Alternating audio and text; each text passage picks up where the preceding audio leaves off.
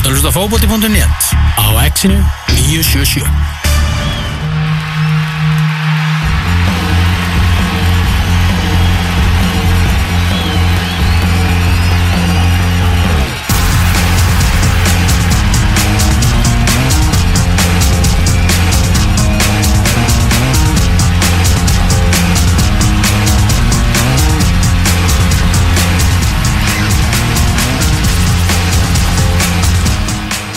Komið sálur blessuð og verið velkomið með okkur í útastáttin fótbolti.net 22. ágúst, það er afskaplega mikið að ræða rosalega mikið af fótbolta í þessari viku og mikið af fótbolta framundan Við ætlum í fyrir hluta þáttarins að einbjönd okkur að íslenska boltarum og allt sem er í gangi þar í Pepsi Max deildinni, lengjudeildinni og eh, einni hjá íslensku liðunum í Evrópu. Í setur hlutanum þá ætlum við að kíkja eitthvað út í heim og meðal annars að ræða um launathak í Í boltanum, Björn Berg, eh, fræðslustjóri Íslandsbanka, hann ætlar að kíkja þarna til okkar. En eh, við hefum leik, eins og áður segir, á eh, sjálfum íslenska boltanum og öllu því sem er að frétta þar. Ég heiti Elvar Geir, hér er engin Tómas Þór Þórðarsson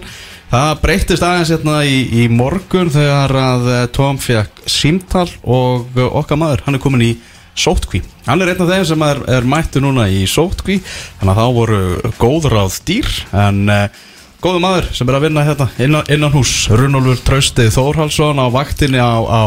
Vísi. Ég bara dróan af Vísisvaktinni. Áttur hann að sé nú á henni hérna á, á kantinum. Þetta er bara takk fyrir að hafa mig. Þetta, verður, þetta er fínt bara hérna svona tvöföldvinna, þáttur ég kemur inn á vísi leið og honum er lokið sko, það sé allt á reynu og eh, með okkur, einnig sérfræðingur þáttanins, Rapp Markus Vilbergsson, sætl og blessaði Rappi Læsaður, hvernig er þetta í dag? ég er nokkuð góð bara. Þú ert nokkuð góður, ég, ég, ég fagna því. Heyrðu, við ætlum að þarna, byrja því að ræða, ræða þessa leiki sem framfóru í Pepsi Max-dildinni núna á föstu dag og, og já, það er að segja gær og einnig á, á fimmtudaginn. uh,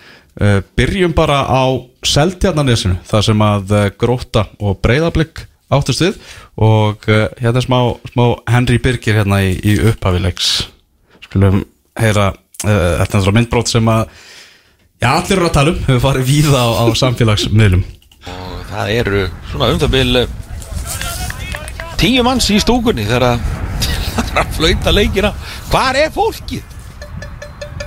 það lítur að vera happy ára hann í gleðutjaldinu þetta er ævintýralegt, það er engin í stúkunni. Og hvað svo sem okkur finnstu það þá búið að flauta hann að leika á. Það er greinlega mikið grillveður á nesinu og, og menn alltaf bara að horfa á leikin út á palli sýnist mér öllu. Og eins og 1, 2, 3, 4, 5, 6, 7, 8 þeir eru svona 15 í stúkunni. Þetta er svakalegt. Uh, gróta breyðabli Já, þetta var lýsing á Henry Birgi Hann hafði náttúrulega sjálfur síðan húmor fyrir þessu Það bara einhvern veginn sló út hjá hann um, um, um tíma. Það er jákvæmt að segja þetta hlæða þessu. Já, já, hann, veist, hann búin að gera mest grína þessu sjálfur sko, en þetta er, þetta er kostulegt sko, það rauði kynast Ég finnst eitthvað gott að hann talteldur ekki yfir 15, sko, yfir 20, það hefur verið vond Já, nokkarlega, þeir voru, voru verið að fara eftir öllu reglum Þannig að Seltjarnanesinu Allt bara datt út úr Henry að Það er áhorvendabanna sjálfsögði í gangi í Pepsi Max deildinni. Var, Þetta var, var mjög mjög kostulegt En uh,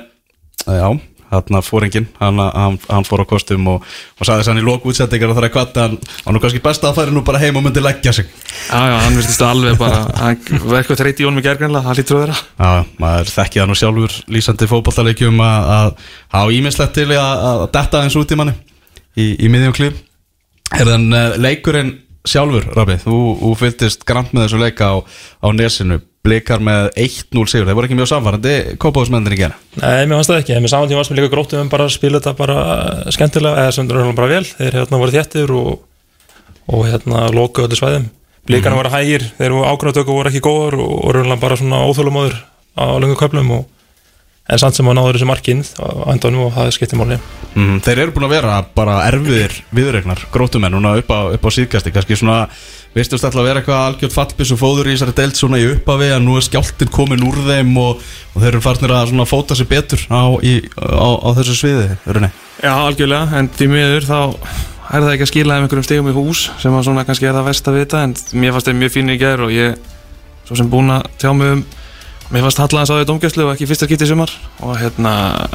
þú veist, 10 mútið 11 í einhverjar 60 mínútur cirka 55 það er þeir eru alveg mátt halda þetta út mín vegna allavega sko, bara líka fyrir sá- sálar titri í það sjálfum Mhm. Það voru atvik í, í dómgæslinu Við skulum bara vaða hérna beinta aðeins í, í þau uh, Ívar Orri sem að dæmdi þennan leika á nesinu og það var raukt spjald á Kristoffer Melstæð leikmann gróttu á 37. mínúti þannig að brauta á Gísla Eyjólfsinni Þeir eru ósamála um, um hvort að þetta hafi átt að vera raukt spjald eða ekki. Þú liftir rauðu, Rappi, á þetta. Já, ég var samanlega dómi, meðast hérna gróttum er náttúrulega að missa boltan hann á, á miðinu og, og Gísli gerir náttúrulega feikilega vel, mikið krafti í honum upp öllin og, og Kristoffer brýtur á honum og hann er ráðlega einnig gegn og það er bara það reglum með bara raut Mér finnst það bara ekki verið eitthvað gegna því áspilnum við hliðin á honum og hann er það 40 metrar í marki. Og ég reikna með því að eh, ef hann kemst í átt á markinu þá mun Hákon hægja á honum og á þeim tímapunkti hefur áspil tíma til að ná honum einhver- einhverju leiti og mér finnst það það langt í burtu og ég get ekki þetta sé upplagt marktakifæri þó að, þú veist appisnugult í mínum bókum allavega. Þú veist, hugsa dómari í svona atviki. Þú veist, þetta er Gísli Eyjólfsson. Þetta er eitt besti leikmaður Pepsi Max deildarinnar. Þegar hann kemst í þessa stöðu þá er þetta upplagt margtækifæri Ég held bara óháða leikmannu, þá var hann að horfa bara á svona kannski 3-4 sekundur undan, þá er náttúrulega Gísli á miklu hraða og hérna miklu mér hraða en þess að varna með sá mögulega geta náðanum, þannig að ég held að hérna, hann hefði aldrei náðanum Það er Það má vel vera en ég held að dómarinn veit ekki sprett tölurna er að hlaupa tölur eða eitthvað þannig að ég, þú veist, ef og hefði það allt það en mér finnst bara, þetta er ekki en mér hann bara að stoppa skyndisók þó hann gerir það kannski klunnalega, klaufalega þú veist, venjulega fá menn guld fyrir það, mögulega er það þegar það er ekki að hann er að fara í, mark, veist, í færi en, en þá það mikið eftir að gerast að ég eiginlega bara get ekki mér finnst bara illa vegi að gróta þetta sér aukt sko, það var mjög falt En ég held líka að það er spilað inn í að hvers konar, hvernig brotið líka var, hann náttúrulega fer hann aftan í hann líka og þannig að þetta er náttúrulega En svo er náttúrulega kemur svona- líka á atvika að Viktor Ótt fær náttúrulega guld í upphæðu leiks og voru hann ættir náttúrulega að annað gula þarna í, í fyriráleik líka og það er kannski breytt ángjölegslega líka. Já, Viktor Örn það, uh, var náttúrulega mjög ósáttu við það að Gústi Gilva í viðtali, viðtali að í lók fyrirháleiks hafði hann ekki fengið sitt annað gulaspjald og Viktor var sem bara tekin út af í, í háleik var á appelsinu það, það þýð, þú veist, allir sem þjóla fótboll að vita það er leikmar og guðlu spjaldi búin að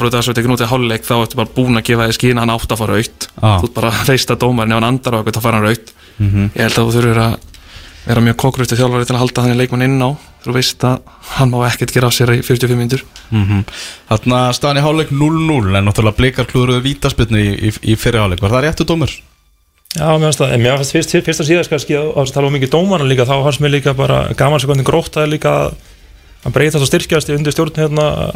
Gustaf Gumma, mér finnst þeirra hambrar koma að lið Mhm. og mér finnst hérna Það voru feikilega góðri fyrir undir stjórn Óskars og spiluðu skemmtilega bolta en núna er bara sömu leikmenn en allt annað fótbolti þannig að mér finnst það að vera svona hvort það muni duga til þess að halda liðin í sætinu, ég veit ekki í deildinu en hérna Ég varstu vera- það vera að gera vel og Já. Gústi vera hérna og Gummi að vera að gera vel fyrir hérna liðið og, Mhm. og svona reyna að nýta sína stekkingu á þessari deild til þess að hérna gera sér vel að eftir Tómas Mikkelsen er frábær vítaskipta hann klúðraði þessu víti hérna í, í, í fyrirháleik en var þetta ekki bara fínt víti? Þú Ég veist, minnst það mjög vel varðið sko mér, það sem ég sá á Já. þessum leik ég veit ekki að ég var að svissa milli í Europa League og, og leiksins í gæri út á nesi en, en mér síndist Hákon rauninni bara frá fyrirleikliðana þá var hann að fekk sér þrjúmark þar þá var hann geðveikur í kópói og mér finnst hann aftur frábæri gerða sem ég sá sko örugur í öllu sem hann gerði og, og var þetta vítið eða bara stórkostlega sko hann gerði það nefnilega sko. Mér síndist boltin bara leiðin alveg út í stöng hann hann þetta bara vel varðið að mínum mati, mjög falt Ég muna svo líka litlu en ég var líka setna vitið, það munaði bara engu. Hann var í boltanum og slóður hann inn. Já, nákvæmlega. Set, Setna vitið Ég var að búast við því að þá myndi Brynjólfur fara, fara á punktin fyrst að Mikkelsen var búin að klúðra en Ég haldi það líka með að við hann skoraði tvö um daginn sko. En vikið sem greinilega þarf að klúra meira en einu til að missa, missa þetta spott Mhm, Þetta var Stefán Ingi Sigurðarsson sem að krækti í þessa vítaspilnu komin inn og sem Já, var ko- komin að sem var með tíu mínútum á undan stór og stæðulegur sóknamaður sem var kallað tilbaka úr láni hjá, hjá Grindavík og hann var að spila sem fyrsta leiki í efstu deild og hann náði að krækja í víti sem Sigurmarki kom úr þannig að það er bara ansi, ansi vel gert hjá, hjá honum. Þetta mark reyndist síðan eina mark leiksins, uh, blikar ekki mjög sannfærandi í þessu leik og Óskar talaði um bara menn væri þungir og, og hægir en stíðin voru þrjú og hann, hann þykkur þau með, með þökkum Rami Ég held að það er svolítið klart og þeir náttúrulega er, er í stigasöfnun og ég held að það sé einhvað sem þeir vildu gera en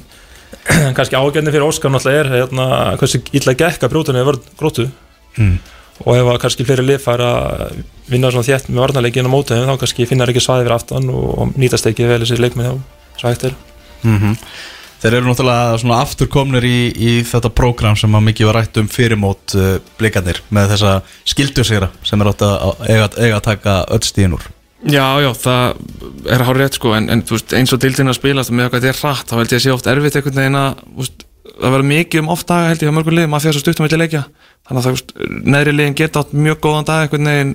á mótu sem betri liðum og ég held að það, við getum sér fleiri skrítin úrslit sko og gróta manni færri, það litla sem ég sá ég meina, Henry sagði í lýsingunni eftir að Við komum þrýr í átt að tegnum hjá leikum sko sjö sekundum eftir að fengur aukt og Pétur Diðator skallar yfir og markti eftir hotspinnu sko held í uppbótatíma þannig að ef og hefðu allt það ekki mörg færi kannski en veist, samt sem maður manni færi á móti blikum þá voru þeir mjög líklegir til að gera eitthvað heldur kannski fyrirleiknum. Mér styrir að magna að, blikar hafa ekki fengið raugt spjaldi í þessu leik því að hinn Viktorinn, Viktor Karl Einarsson seint í leiknum, þá tók hann svolítið svona Beckham moment á, á, á, á þetta þegar hann endaði með að fá guldspjald þegar hann var dottinn þá tók hann sparkið. Sástu það rafið það? Nei, ég mista það innan þér Ég, ég sá þetta. Og þetta bara Viktor Stál heppin að, að þú veist, líka skrýta að hann fekk guld fyrir þetta. Já, ég meina, ef- ef- ef- Þú veist, ef, ef hann var að fá spjald á annar borð þá á það náttúrulega bara alltaf að vera raut sko. Að Ég- eins og ég sagði hann, ég hérna var á leik sko gróttu háka fyrir sumar þar sem Ah. ég var orðið var á flautunni og mér var þalla verulega gróttu menn í mörgum atvikum og mér sé ekki betur en það fyrir svona þannig sé verið þannig í gær. Mér stila Magna Gústi Kilva hafi og leikmann gróttu þannig sé haldið hausi að bila og gerðu sko því að menna hann og urðaði við dómar í sumar fyrir tvöluvert minni sakir held ég heldur hann að gróta við lendi í sko. En blikandir, þeir eru komnir á, á, á, á fínt skrið. Þáttur að þetta hafi ekki verið eitthvað mjög, mjög svo Þetta var ekki með glæsibrækjar En það er rétt, þeir eru búin að vinna síðustu leiki og hvað, hvað, auðvitað ekki sigur með byggar og hérna. Já, og það er eitthvað sem náttúrulega eftir hérna erfið tímabili sem hvað töpuðu hérna þreim leikir auðvitað ekki og hérna þannig að þetta ætti að vera svona ít undir þeirra alltaf ég er enda hörkuleik næst mútið Rósenborg, það er kannski það verður verður ekki létt. Nei, það var ekki létt. Blikakonur með 20 stig, tveimur stigum eftir val sem á uh, leik til góða. Átt að spila hann í dag en það verður ekkert að því. Uh, Förum þá yfir í, í hinleikin sem að uh, framfór í gær þar sem að uh, fylgir og stjarnan áttust við. Uh, sá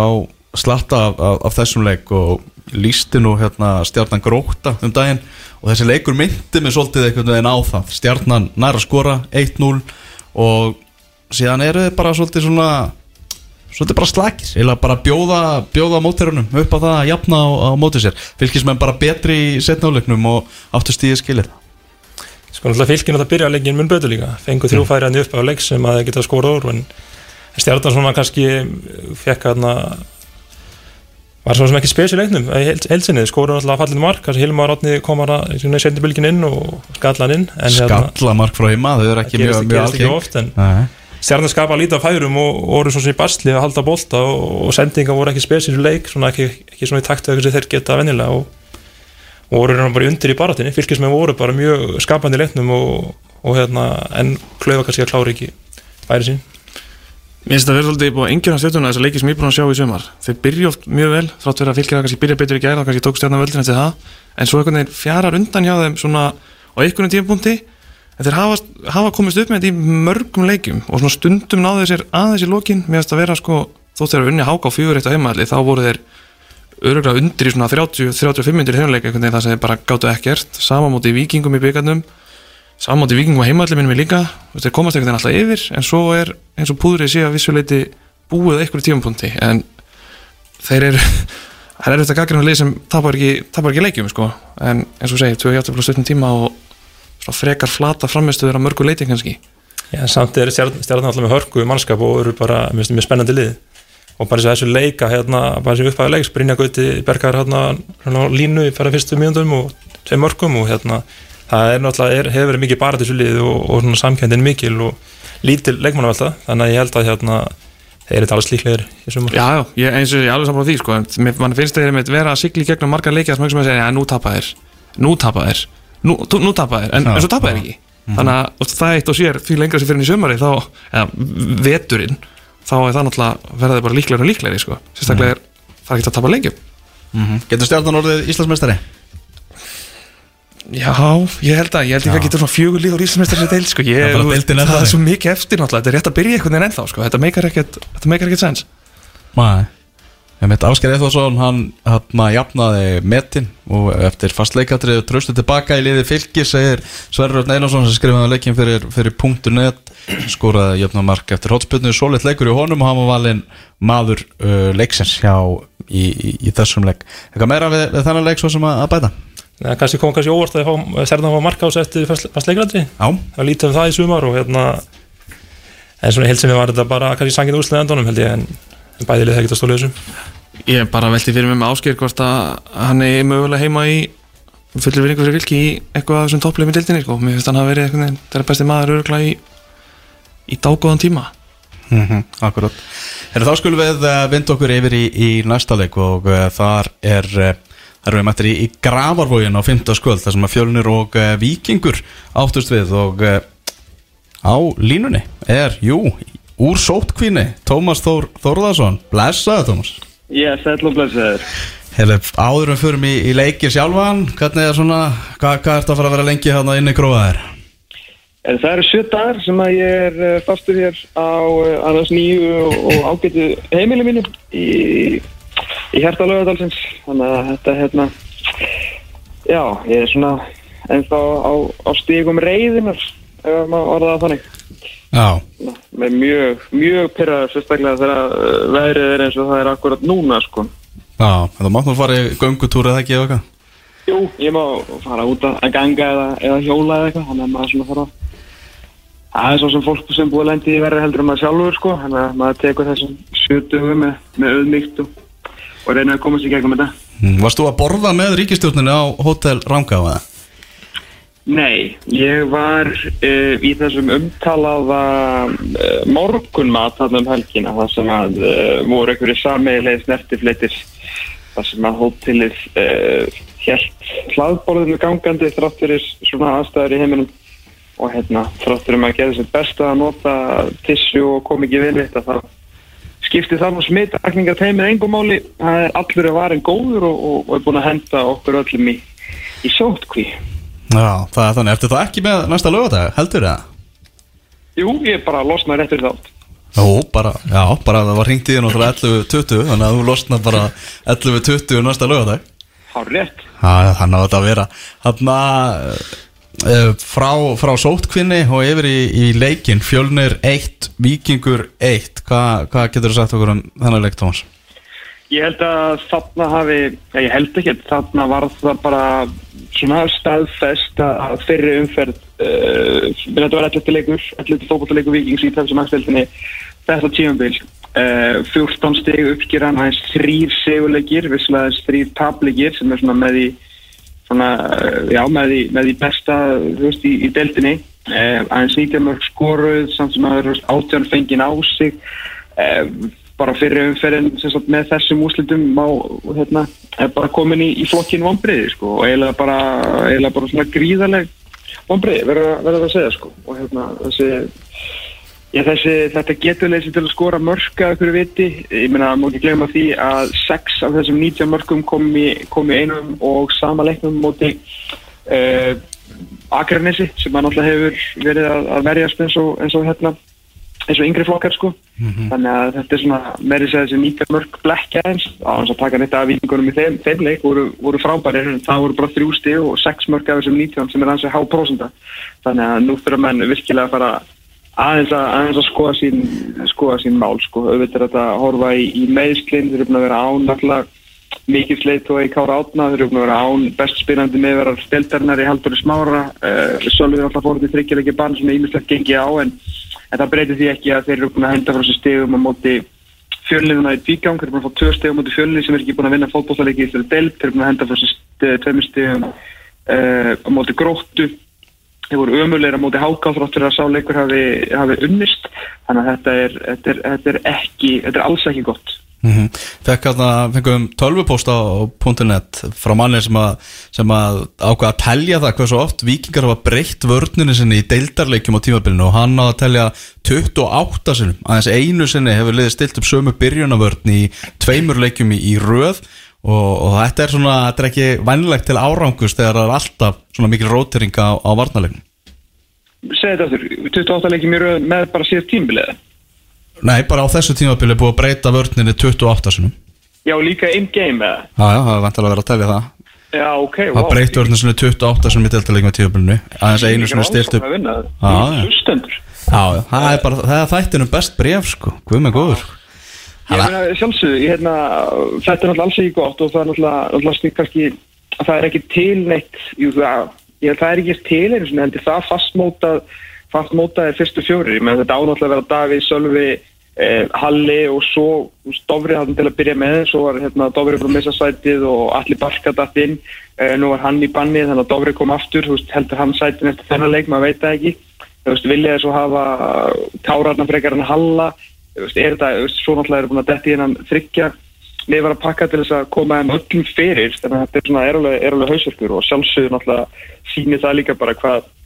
liðið er að fá á sig mikið mörgum og mikið svona klaufalegum og óþarfa mörgum og þú veist, 28 sinnum í, í 11 leikjum það er náttúrulega bara út úr korti mikið. Það segir sér sjálft og náttúrulega bara frábæra að vinna og, og náttúrulega segir ímislegt, um þetta sko. En, en vikingsliðið er náttúrulega er mjög flæðandi og þeir Arna Gunnarsson er mjög uh, mjög óspar á það að hreyfa liðið bæði í leikjum en að hann er svona hálfpartin í áta mistug sín stundum bara eftir 15-20 mínútur í leikjum og breytt bara, sagum kannski búin að drilla liðið í hérna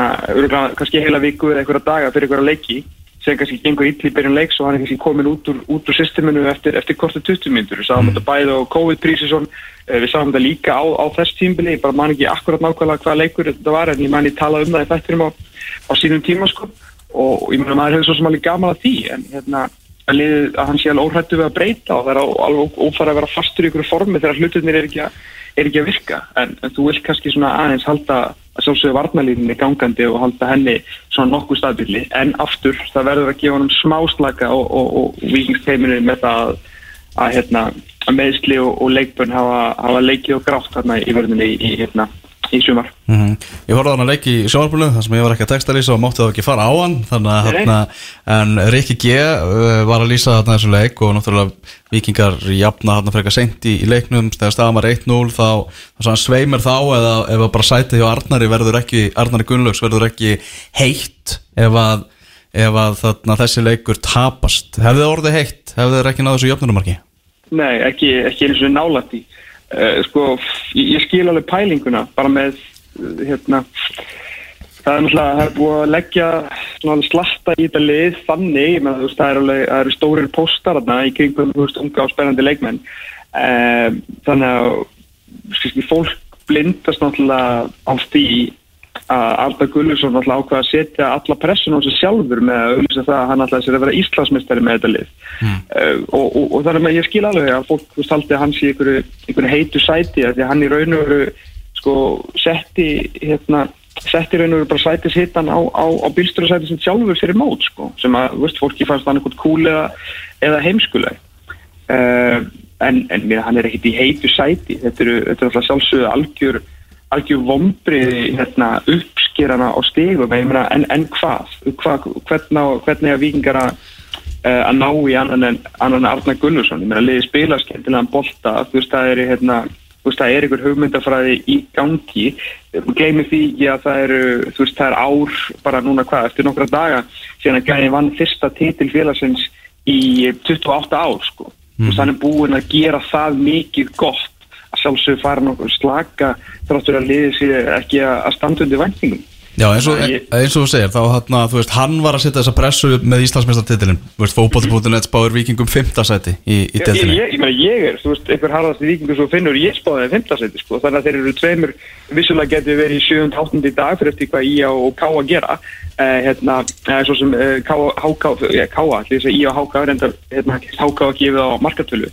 þannig að þetta eru, þú veist, vombriði þannilega, ég er kannski meiri vombriði bara hvað hérna svona þetta free-flowing liði skora lí, lítið af mörgum og hvað eru ekki að ná stigum með þetta af þessum liðum sem að þeir voru að, að pakka saman í, í, í fyrra sko. Þannig að veist, liðið er bara nákvæmlega kannski aðeins undir þeim stað sem að allir á Íslandi spáðum nema Arnar Gunnarsson og kannski Ágúst Eðvald Linsson sem að sagði þessum lagi þættir um okkur að hann var að stefna á tvær dollur sko, minna bara ungu maður og Jón Peppaður með, með þjálfaran sko, þannig að ég, ég skil ekki alveg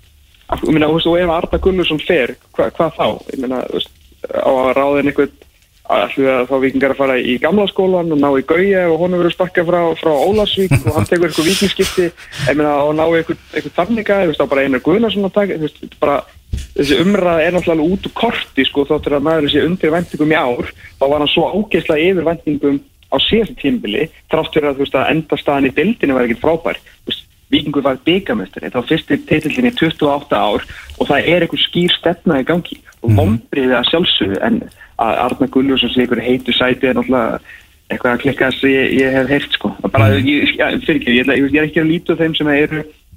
að koma með þessa pælingu ef þetta væri bara svona veist, almennt, en málið er bara hann, hann er með alveg svirum til þess að hérna, að e, lendi í einhverjum smá mótbyrn og það er ekki nokkur reynist að spurning. Strákar hérna í settinu, eru, þið- eru þið sammála Tómas í þessu, það ætla að synda á móti orðum hans, eru vikingar betur settir með, með að vera eitthvað að hristi í þessu og leita eitthvað annað eða? Nei, ég er bara sammála öllu sem að segja Þetta er mjög einfalt Ég Arðan Gunnlaus rétti maðurinn í starfi og mér sýnist allir stuðnismenn vikings Það þarf að gengi sér ekki bara frábært Það finnst fólki skemmtilegt að mæta völlin og hefur áhuga á liðinu og ég held að áhugin á liðin sem miklu meira en hann hefur verið í langa tíma. Og þú veist, vikingar eru eitt af þessu liði sem hefur svona hvað segir maður, tapa hvað mestu á blessari COVID-pásunni fyrir mót sko og Arnar ekki fengið að prófa alla þessar hluti sem hann hefði viljað prófa í lengi byggatum og eitthvað. Þannig að ég bara, nei þeir eru ekki að fara að reka nema er allt í einu bara bara falli held ég líka við sko. Já, sem er náttúrulega aldrei að fara að gera Nei. En ég er er ég er líka samt kannski aðeins ósámála umræður undarfæri sambandi við yngvar markmann að hérna, eins og þú ert nefnir núna er mikla breytingar í vördunni mm. og hérna, jú, yngvar er kannski átt eitt fyrir mörki í sumar en ég held svona að senda sko Það er bara svo mikla kröfur á hann gaggrinin er ósækjöld á margan hátt hann ætlar að aðlaðast líka nýju leikstíl og hann er ekki vanur kannski að vera um svona mikið boltan í fótónum og annað og, en hérna fær ekki Dotti líka á sig sjö á þessum mörgum eða? Sko, en, en skuldin er of mikið skellt á hann. Það voru, er eins og Elvar að tala núna um að séu 20 og eitthvað breytingar á vördinu í einu tíðanbili og hérna en samt er allar, allar kröfuna á yngvar mm Þannig að þessi leikur eitt eftir jafnverðum átti fjölunsmönnum þar sem að fjölunsmenn komast yfir Hallvarður Óskar Sigurðarsson náttúrulega með frábært mark og var, var mjög svo öflur í, í þessum leik. Svo kemur Adamæður Pálsson náttúrulega nýkomin í ræðir vikingar spila sér annan leik af, af bekknum og hann skorar þarna jöfnunumarka 87 minúti það er alltaf jákvæmt fyrir vikinga að, að hann kemur inn af, svona krafti. Veist, þeir verða, er ennþá konu með, með sigur, voru alveg feikilega nála þessu núna og loka mínútunar í þessum leik voru bráðskemmtilegar, það var bara end to end, bara maður ma bjóst við því að sigur markið væri að fara að koma þarna í lokin með að hvernig það var að spilast en, en ekki koma. Og, og eitt stig sem er bara svekkjandi fyrir bæði lið, það eru bæði lið óanæð með þessu úslitt. Já, það hlýtur að vera, ég menna vikingandi er náttúrulega, veist, að horfa hvernig allir á þessa fjölninsleiki bara eins og eigir að vinna á eftir gengið sumar sem singa til, þannig að þeir hefðu vantanlega viljað sér tvö stík til að komast upp í efri helmingin, að hvernig sem þessi tvískipting á dildin áttu nú að vera fyrir mót. Og fjölni er náttúrulega bara þeir veit ekki getur unni fótballtaleik, sko, það er bara mjög, mjög, það er ekki einfalt flokkur að það, sko. En fjölins hann spilaði ágætlega í þessum leik.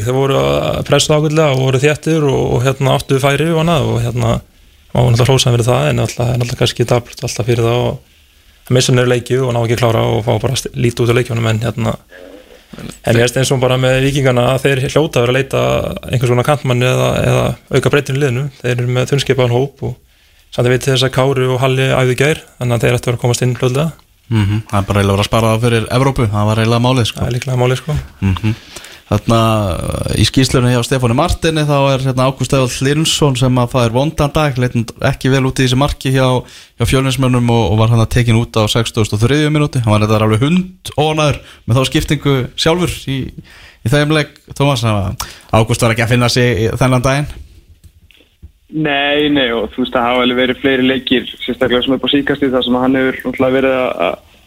kannski ekki skila miklu á síðasta þriðungi vallarins uh, sem nú svona kannski verið hans helst til akkilins af hæll hann verður aldrei sagðar um að gefa sér ekki 100% dýta og elskar að fá boltan og, og reykja hann á stað og svona og, hérna, og gerir margt, margt ágætt en, en það var ekkert að ganga upp þarna í leik sem að vikingslið virkilega þurfti að, vinna. Að meina hann er búinn þrátt segla sama uh, sama hversu illa hann spilar veist, þegar hann er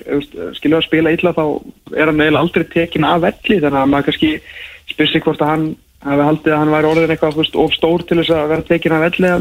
Uh,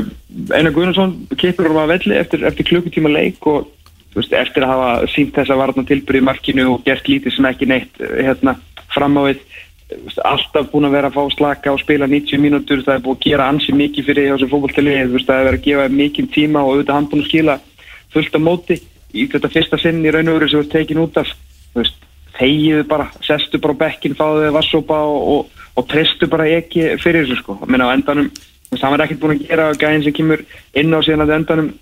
fyrir að skapa færi og, og liði næri í stík sem var ekki líklegt að meðan hann var inn á vellunum sko. mm bara voldu klukkutími. þú veist, þetta er ekkert eitthvað, þetta er ekkert þú veist, almenn um, umræða um, um Ágúst Ævar Flinsson sem búin að vera ég heldur að bara mjög flottur fyrir þetta vikingslið og það er alltaf exciting að sjá hann uh, spila, en þú veist, ekki, ekki vera, ekki vera frekið dollan sem að dettur í eitthvað svona pakka þegar einu svona tekin, tekin að Það gerði hann einhvern spyrja, ég mista skiptingunni Hann var eitthvað að rópaði þarna eitthvað hálftíma eftir og eitthvað Já, ok, ok, eitthvað, eitthvað, þá, þá skal ég nú þá skil ég hérna umræðinu á Tom, ég held kannski að nefna sparkaði vassbrúsa eða eitthvað þá, þú veist. Nei, já, en þess að treytti í þjálfvara Já, já, nei, nei, nei, það er, það er bannað, það er mjög einfalt sko það er nefnilega bannað sko. en ég, ég, ég, ég, hann hefði bara sparkað í brúsa og, og þú veist, þá maður vill að, þú veist, maður vill að leikmennir í fótballstæðleginu vilji vera inn á til þess að, skilur, að gera eitthvað en, en þú, þú ert ekki, að- ekki að hreyti þjálfaran og sérstaklega ekki þegar, þegar aðstóð þjálfaran er að stýra þessum leik og þú veist, hvort hann hefði gert þetta af Arnar veit ég ekki en þetta er bara pjúra óverðing og, og bara áfram gagskilu, hann gerir þetta ekkert aftur. Sammála því. Mm. Rabiði, loka orðum um þannig leik. Mér finnst fyrstilega bara gaman að sjá Adam Ægir kom inn og, og skora sem fyrsta leik í Elstild og hérna, hann var hættulegur hérna hann alltaf er svona kantmaður sem er bara, sér bara fram á við. Hann alltaf er lítið því að spila tilbaka og þannig en hann er svona hann leita bara þennan teg og hann gerði það þrjusar allan í leiknum og skapaði færið þarna í öll skiptin og, og skora eitt mark. Þannig að það gaman fyrir hann, þetta er strákur sem var fyrir stöttu síðan eruleik maður finna sér lið á suðunusum þannig að þetta er bara stór stökk fyrir hann. Heldur betur. Kom hann inn á vinstri kantinn eða? Já, Heyrðu þarna uh, Evrópuleikur á, á 50 daginn Tom, ég vissi það að þú varst náttúrulega mjög spenntur varst ákveðin í því að fara að fylgja vikingum í, í Evrópu og þetta, þetta sumarið. Já, mæta síðan, þú veist, Olympia Ljubljana frábær borg, Ljubljana og allt það en það er náttúrulega bara áhorfenda bann. Já, ég hef nú getað að fara með samt sko, hérna, með var nú hérna búið að fara með þetta, er þetta fyrir, fyrir hansi röstnalegt fjö, en hérna er alltaf læg með það, maður hefur kannski tekið það á sig svona, en maður væri kannski ekki að standa þetta íbúð og, og jú, kannski komin í sótt ég búna, en hérna, já, hérna, þetta er, þetta hefur verið skemmtilegt fyrir á, ég er bara að vona svo sannarlega, hérna, sjúkraþjálfurinn hjá Slóan Bratislava hérna skellir sér í heimsáttir og, og við slettum við þessa ferð og förum bara áfram og fáum peningin var það ekki færi sko aðferðin á þetta. Það eitthvað færi sko að fyrir náta sko. Nei, nei, þetta, þetta verður bara minn svo segir, ég meina, það er ef þú ert að fara til Östanfjallslandana þá á held ég sé, jafnvel skást að fara til ég með allt þetta oftast fallega borgir en Ljubljana svona eins og þú hefur nú kynst þetta er svona, slóanar er nú meiri ítalir heldur en heldur en svona austur, austanfjallsmenn sko. Þannig að hérna, og falleg borg spurning hvað er, þeir fá nú ekki mikið að sjá að henni þeir þurfa bara að fara úr vélinni og inn á öllin og Búblan? Búblan góða þannig að hérna, já, já, ég, hérna, þetta er leðilegt kannski fyrir strákarna sem er að fara kannski í sína fyrstu Európuleiki að þurfa að gera þetta svona þegar það kannski ekki á hverju ári sem að svo að vikingur er í Európu, þetta er ekki, þú veist, KRF og að valur sko. Það er náttúrulega aðra Evrópuleiki síðan í vikunni er eins og við komin á aðan Rosenborg breyðabliki í Noregi og svo fær eh, FH hérna Dunjaska Streta í, í heimsóknu á, á Kaplakrikavöll Þetta er svona gamaldast Európuleikur, þetta er svona sem að það var alltaf eitthvað svona lið sem að hitta með svona dúbretta, dúbretta, dúbretta sem að komi hérna Ah. á, á sínum tíma sko. Þetta stratalið, þetta er lið sem er búin að sá fór skoðið gera hérna er á tóknum sem deilt, þetta er þrjá leiki og markðanlega 14-1 þannig að það getur orðið einhver það er enda reyður toppslæri í dag, sá ég líka móti liðinu öðru sæti en hérna þetta getur erfið slagur fyrir FH Já, ef eitthvað, getur fundið fyrir mig link þá hef ég ekkert annað betra að gera en að skoða hana leik það er út fyrir það Heyrðu, hérna káeringarnir, þeir fengu skella móti Celtic, það var náttúrulega alveg vitamála þetta er mjög svo erfiður leikur en maður var nú að vonast eftir því að, að káeringarnir getur gefið Celtic allavega leik svona framanna fyrstu mínútunar en þetta var döðadæmt bara algjörlega frá byrjun og þvílíkir yfirbörður hjá skotlandsmeisturunum. 6-0 Já, þetta er náttúrulega bara ósangjant sko, þú spurði mig um daginn hvort það var ekki lokinu hérna á síðasta innkasti hvernig það færi. Já. og ég var svona gæðilega við 2-0 eða 3-0 að sjálfsög meinti ég 5-0 fattur ekki að ég sé að taka eitthvað vitur eftir á hann. En maður má aldrei segja svo leiðis þá er maður alltaf þú veist, að vera svo vondu við liðin. En þú veist það er ekki þannig erum við ekki að tala um eitthvað íslensk lið þú veist, á móti einhverju sænsku, norsku eða dönsku, þú veist þetta er Celtic eh, á meðan að KR er var svona, eh, þú veist, bara til að setja þetta í eitthvað samingi þá var Káir að íhuga hérna kaup á uh, lengjudeldar framherja sem heitir Alvaro Montejo skilur þau svona samkvæmt fregnum sem að þeir eru kannski, maður hefur heyrt að þósarni vilja nú fá þrjármiljónu virra en segjum kannski að einhver veist, sem að kannski hérna í nýju gæðnur og Pluto Pizza hefur viljað hjálpa til og kannski henda einn miljón og kaupa Alvaro Montejo til að styrkja hópin fyrir lók tíðanbilsins að sama tíma þegar voru að hugsa þetta er Celtic að kaupa framherja frá Vestham á 5 miljónir punta veist, bara, það er bara sjórin, uh, árin, landið, hefin og haf á millilegstra fótballtaliða og, og þetta voru bara mjög eðlileg úrslit í ljósi þess uh, bara hvað þessi, þessi fótballtalið eru bara í, í sínu lífi sko. Er bara, þeir eru svo miklu, miklu, miklu, miklu betri að það er ekki svona fyndið sko. Við erum nú með káering hérna í, í, í stúdíónu Rúnólu, var auðveldar að kingja þessum úrslitum heldur en tapur á móti Molde Skellir á móti Molde í fyrra? Ég, ég veit það ekki. Ég, hérna, ég var með eitthvað það var eitthvað, veist, ég held eitthvað en þetta búblu einnarleika format gæti eitthvað neginn hjálpa gáðaringum ekki við spyrjum af hverju. Búið bíl og óskir gæðlust en hérna, en þú veist, það gerði ekki. Þú veist, það eina sem, ég, veit, ég veit ekki hvort í- þú veist, bara gengi íslenska landslýsin undan fyrir ár hefur gert mann svona úber bjart síðan á okkur svona asnæla leiki því ég er bara alltaf að býja eftir að landslið minn er nú tapa þér, það vinn ekki króati það er ekki hægt, þú veist, en jú og jú, þannig að nú er maður alltaf einhvern veginn, heyrðu það er alveg hægt að ná ein- einum leik við erum bara, þú veist, en svo sex mínútur inn á eitt langur boltið í toppin og eitt búið selteik og leikurinn búinn, sko það er bara maður, það, ég skal gútt er að marki þarna þegar Edvard eða hvað sem hann heitir tók Arnó Svein og senda hann sko bara með skólatöskuna út í búð en, en þetta fyrsta mark er alltaf bara þetta er alltaf einfalt sko. þetta mm. verður allavega að gefa þeim aðeins og að hafa, láta að hafa aðeins fyrir hlutunum fannst mér allavega persónulega. Arabi, gigantísku munur, gigantísku Já, mér finnst bara eins og þeir eru líka að tala um bara, mér finnst of mikið svona, þessi mörk alltaf einföld. Og hérna ég held að Káur geta betri degi gert aðeins betur og hérna hvort sem að leikur að fara í 6-0 eða ekki en mér finnst ætla svona sárt að horfa eða upp á hversu auðvöld mörki voru. Og mér, finnst líka sko leikmannópur Rúnas uh, svo í fyrra þegar ég tapa hvað Jú. Jú. Jú. Nú eru þið Íslandsmeistarar sko. Og nú er maður með eitthvað svona meiri kröfur og mann finnst leikmannhópurinn einhvern veginn svona eiga að geta funkar í Evrópu, ég veit að meika kannski ekki mikið sens eftir svona leik en veist eiga að geta verið þetta tilbaka og eru bla bla bla og eiga að vera góður í fyrstu leika og eitthvað, svo mættir svona leik og það er bara ekkert að því. Og maður bara horfir einhvern veginn upp á ekki neitt. Og þeir fá ekki spjald eða neitt? Nei, Með það- að vera að valta yfir þá? Eins og það er ekki náða klukka á bara hvort að búblan hafa svona rosalega með það veit ég ekki en, en þeir voru allavega ekki líki sjálfur sér en kannski Európa-leikjum það sem gengi hefur nú ekki verið sérstakt undanfarin ár her- að mér síndist allavega það- það Sko um það er nokkur ár síðan að vera að ræða það að íslensku félagsliðin væri að nálgast það að komast í reyðlakeppni Evrópu. Með að við hvernig þetta er búið að vera núna erum við ekki bara fjarlægast Jú, það verðist vera, ég meina það eru nokkur á síðan að lið voru að ná í ótrúlega úslið þannig séð, veist, bara á nokkur reglulegum basis, þú voru að ná í skáringarnir unnu hérna, hvað heitaði frá Litáen allavega, það var ská, skáringar sérstaklega, í kringum 2010 til 2012 eða 13, þá voru þeir að ná í fullt af einhvern veginn svona komast í aðra umferð og, og vinna einhver lið og gera fullt af hlutum. Og svo núna bara við eins og segir, komin ennþá lengra frá því Það var stjarnar líka á FAG sem voru Jú, Já, ævendir í stjórnuna náttúrulega það. Gleymið seint. Já, það, það er náttúrulega kveikti ymsar, ymsar vonir. Er þetta áhugjafnið, Tom? Já, já, já, auðvitað er það það sko, en ég held að þetta verði bara verra áður en það verði betra. Ef við bara sjáum hvað liðin er að gera núna uh, með bara fjármununa sem að eru, eru í þessum bolta sem er alltaf að minka og minka. Uh, bara frettin hjá einur erfni og rúf í gæri með hérna tekitap félagana, við erum svo sem búin að ræða þetta alveg helling en þetta var svona ákveðin áminning um hver, hversu miklu félagin er að tapa um, um þessa myndir þráttur að ég held nú kannski sömur hérna að nú markvalda svona með 1,5 til að gera svona áhrif fréttarinnar meiri en sjáum líka bara veist, að leikmenn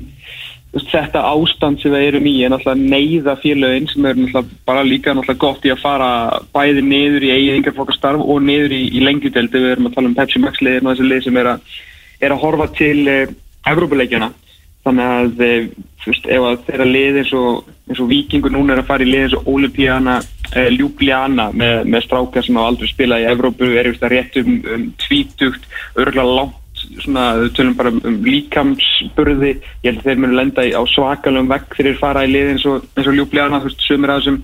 eh, yngri strákum sko Uh, og kannski þú veist ég veit að náttúrulega K.R. og F.O. lið og valslið og svona skilur þetta eru náttúrulega eins, eins reyndari lið en núna þegar við erum að fara að horfa á þetta næstu árin með hvernig þróunum er núna og með hvað lítið af fjármennum til hjá þessum félögum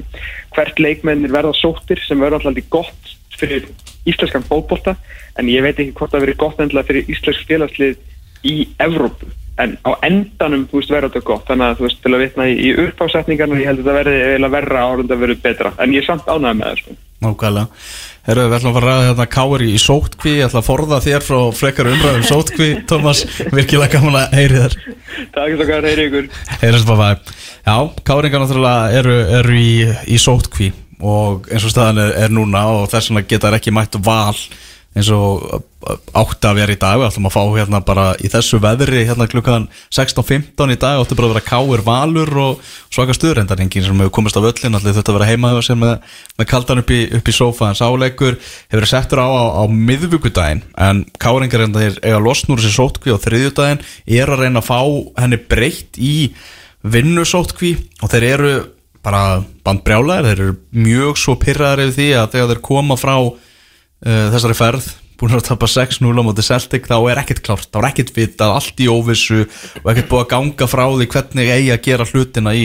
í svona tilfellum, svo allt inn er samþygt að það sé þessi vinnusótkví sem gera verkum að lið með í æfa saman meðan þeir eru í vinnusótkví en það þarf að sækjum það áður en farið þeir í ferðina þannig að það er bara róð seint fyrir káringa. Uh, Jónas Kristinsson sagði bara að það væri alveg óþólandi að káringa var ekki að sitja við sama borð og þessi lið sem eru til dæmis að fara í Evrópikjarnina núna næst er ekki auðvelt að skilja pyrringin, Rabbi, hjá Ég held að sé bara mjög auðvelt en hérna, auðvitað náttúrulega ef er, er stjórnvöld náttúrulega stanslust að setja reglur og aðlag og undanþáur og allt það en hérna en þeir náttúrulega var ljóst að það er í Evrópuleiki framundan og mér finnst það kannski mest sártur í káringan að þeir skulle ekki verið sama hattu önnu lið. Og hérna detta það í þess að vinna sótkví það er það sem er þarf að gera en og að fara að spila daginn eftir að vera sótkví í, í viku við smínum bara galið Já, nákvæmlega, það er svona ímislegt í þessu, það er ekki, ekki mikil, mikil samræmi eitthvað, nei, þeir voru káringarnir náttúrulega bara í algjöru búblu þarna, Já, já, það er samkvæmt öllu sem maður heist og skema er sko á leiðin út, úti á leiðin heim, heima einhvern veginn bara fóru með enga flugvel, voru bara í, á, með sér hæð á hótelinu, bara læstir þar inni og allt það. Það er að vera tölvöld örgar í þessu ferðalagi heldur en einhvern veginn heima sko. Það ætla að ge- gerðu náttúrulega allt sem það átt að gera og, og rúmlega það held ég og hérna en það sem ég segi, það er mest sveikjandi er að þeir skulu ekki dettum samháttunum lið og af því að þeir átt að sækja máður en þeir náttúrulega vissu ekki svona að því þannig að það var, ekki- var ekki búið að gefa grænt á fótballtafélag getu það. Nei, og það er svona, svona og svo kom átt það reglu bara daginn eftir að koma heimöldi að 0-10 og hérna, en samt fallar ekki út það. Þannig að það er svona Já, Það er voðalega skrítið, það sé ekki að það er að, jú, jú, ok, við, eða bara þetta var gert þegar fyrr, fyrst að ríkistofun ætlaði að taka þessu ákvörðuna hvernig sem það var, við geta að gera það nokkur klukkutum áður, þannig að káringarnir hefur geta sendið inn e-mail áður þeir, þú veist, að klukkutíma áður þeir lenda, því að þá voru þeir, þú veist, þeir komið hvað, hálf, hálf eitt, eftir minnati, þetta reglaði tóku gildi hálftíma áður, það var mitt eða, ég veit ekki, þetta, þetta meika búa lítið, sens, ég skil alveg þessu byrjaðir, sko, ég, eh, ég veit líka ekki hvað tilgangi þetta á að þjóna, ég, þetta er allt saman bara eitthvað svo allt við íþrótta yfkun í kringum þetta er svo skrítið fyrst mér þetta er endur ekki smá leikur, þetta er káar valur. Þetta er það, rosalega það er svo hitt sko, þetta hefur náttúrulega major impact á allt tímabilið, Og svo er settar aðra reglur um það að það er erlend félögur að koma og landslið eins það og, og mótirar FH þurfum ekki að fara í vinnu sótkvíð að þeir koma til landsins. Það, það skil ég ekki, ég, ég hef náðu ekki heldur rökunum. Mér fannst þau ekki meika neitt sens sko. Já, og ennska landslið bara vegna þess að þeir eru ykkur í UEFA búblu. Mér finnst nú Harry Maguire reyndar ekkert vera mikið í ykkur í Nei, ekki. UEFA búblu. ekki Harry Kane komin í sótkvíð líka því að hann fór til Bahamas og, og eitthvað, þú veist, þeir eru allir bara í fríi hér og þar sko. Já, Maguire hérna í fanga, fangaklefa klefa á okkur grískri eigu það er kannski kóbúbla það er bara þannig, en já, við erum saman hvað við tölum hérna, það, það, það breyti breyti litlu, þetta er bara svona stað eins og, eins og hún er, en vonandi vonandi geta káringar alltaf fengið undan þá um að komast í þess að vinnusótkví þannig að þeir geta alltaf æft fyrir leikinu á móti af val. hverju tekur það eitthvað svo langan tíma? Er, ba- er bara skrifstofunum lokað hvenar, þú veist, af, er ekki ágæður að það græði með einhverju stimpli á korter eða? Ég held að þetta ég, sé bara ég skil ekki af hverju þetta er svo mikið vesen. Palli Kristjáns uh, fórmaður Káur var nú í viðtalið hjá okkur úr daginn og hann var að tala um að þetta var allt svo mikið eitthvað bara computer says no sko. já, já, þeir eru með eitthvað guidelines frá einhverjum öðrum og það er bara tekið frá ABC, allt í gegn en það er ekki hægt að yfirfæra þetta oft hérna heima sko, með að við hvað varst að gera eitthvað lengst út í heimi.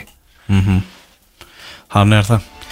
En hérðu, það eru komandi leikir í Pepsi Max-deildinni Þráttur að þessi stórleikur verði ekki þá eru tveir leikir á dagskráni í Pepsi Max-deildinni í dag og þau eru báðir klukkan 14, klukkan 2 FH er að fara að keppa móti HK Einnaks eða tveir rafi uh, Einn á iPhone Einn á FH-inga og svo er það K.A.I.A. á Greifa vellinum Það var ekki mörg mörg í svona leikið það Nei, en samt sko náttúrulega skagamenn að skora allir sem leikjum. Í sumar og, og ég held að skagi vinna í dag. Já sáleikur einni klukkan, klukkan 2 uh, Vindum okkur yfir í uh, lengjuna. Yfir í lengju deltina við ætlum að skoða aðeins leikina bara sem eru framundan í lengjudeldinni líta aðeins á það og, uh, og það er verið að leika í dag og á morgun. Það er uh, tveir leikir á, á morgun. Uh,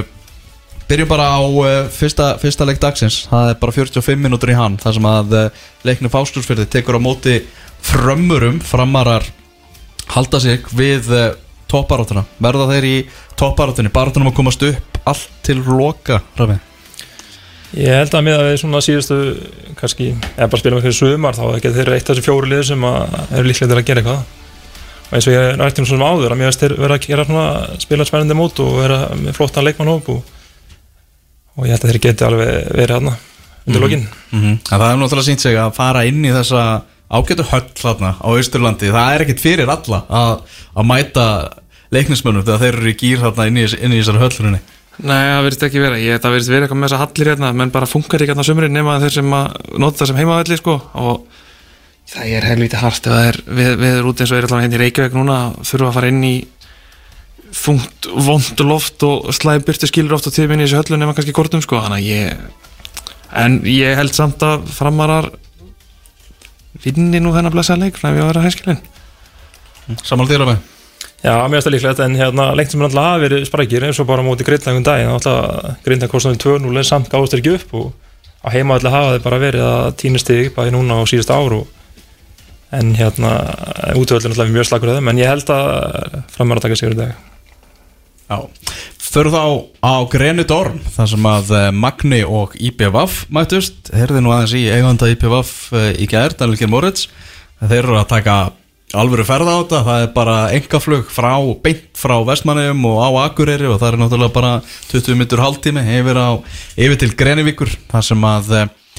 eigamenn er að, er að fara að mæta. Mikið í umræðinu eigamenn, þetta IPVaf-lið, þetta með Gary Martin fremstan í flokki og það er alltaf mikið talað um, talað um það Eh, Það er meira að tala um hann heldur að líða í samtætti sko. Er þetta ekki öryggi tveir? Ég meina magnum eitt stygg Jú, ég, þú þarft að þú þarft að vera með eitthvað rosa mikið insight information hann og það er að fara að setja á magna held ég svona óvænt sko. Það þarf bara eitthvað að gerast, þú veist, bara eitthvað bara rauðt spjald í byrjun eða eitthvað. Já, það er alltaf, Svenni náttúrulega hefur verið öflugur vartanþjálfari og hérna hann gæti svo sem pakka niður og, og þá náttúrulega ná, ná hérna, ska- nei, hérna vestmenningar ekki að finna svæði fyrir aftan vörnuna sem henta Gary og fleirum hann en, en það er er erfitt að segja en að íbjá, en að íbjá finn í dag. Á, nákvæmlega Eða menn búin að gera svona tals, talsvægt mikið af jafntöflum, fjögur jafntöfli er fullt mikið fyrir, fyrir sinnsmæk uh, svona mikið umræðan þetta eigarið hvernig svona metur það eftir tíu leiki, Rafi? sko við ætla að tölum um hérna í okkur og, og flestir að hérna, þeir náttúrulega myndu bara sigla vel upp og, og þeir eru svo ennþá svo sem að þeir eru veðferð þeir eru ennþá náttúrulega bara í hérna öðru sæti og taplu sér og, og hafa verið að spila leikið sem að kannski getur verið spes en samt ná stigum og stígi allavega og hérna og ég held að ef varnarleikurinn næri að halda sem hefur verið þeirra kannski svona akkjæðarsæll í sumar að þá hérna geta þeir nú alltaf að klára sitt program. Mm Bjóstu við meiri flugveldarsýningu frá, frá eigamönnum, Örni? Nei, ég get ekki sagt það, ég kannski bjóst bara ekki fyrir að dildin er þú veist,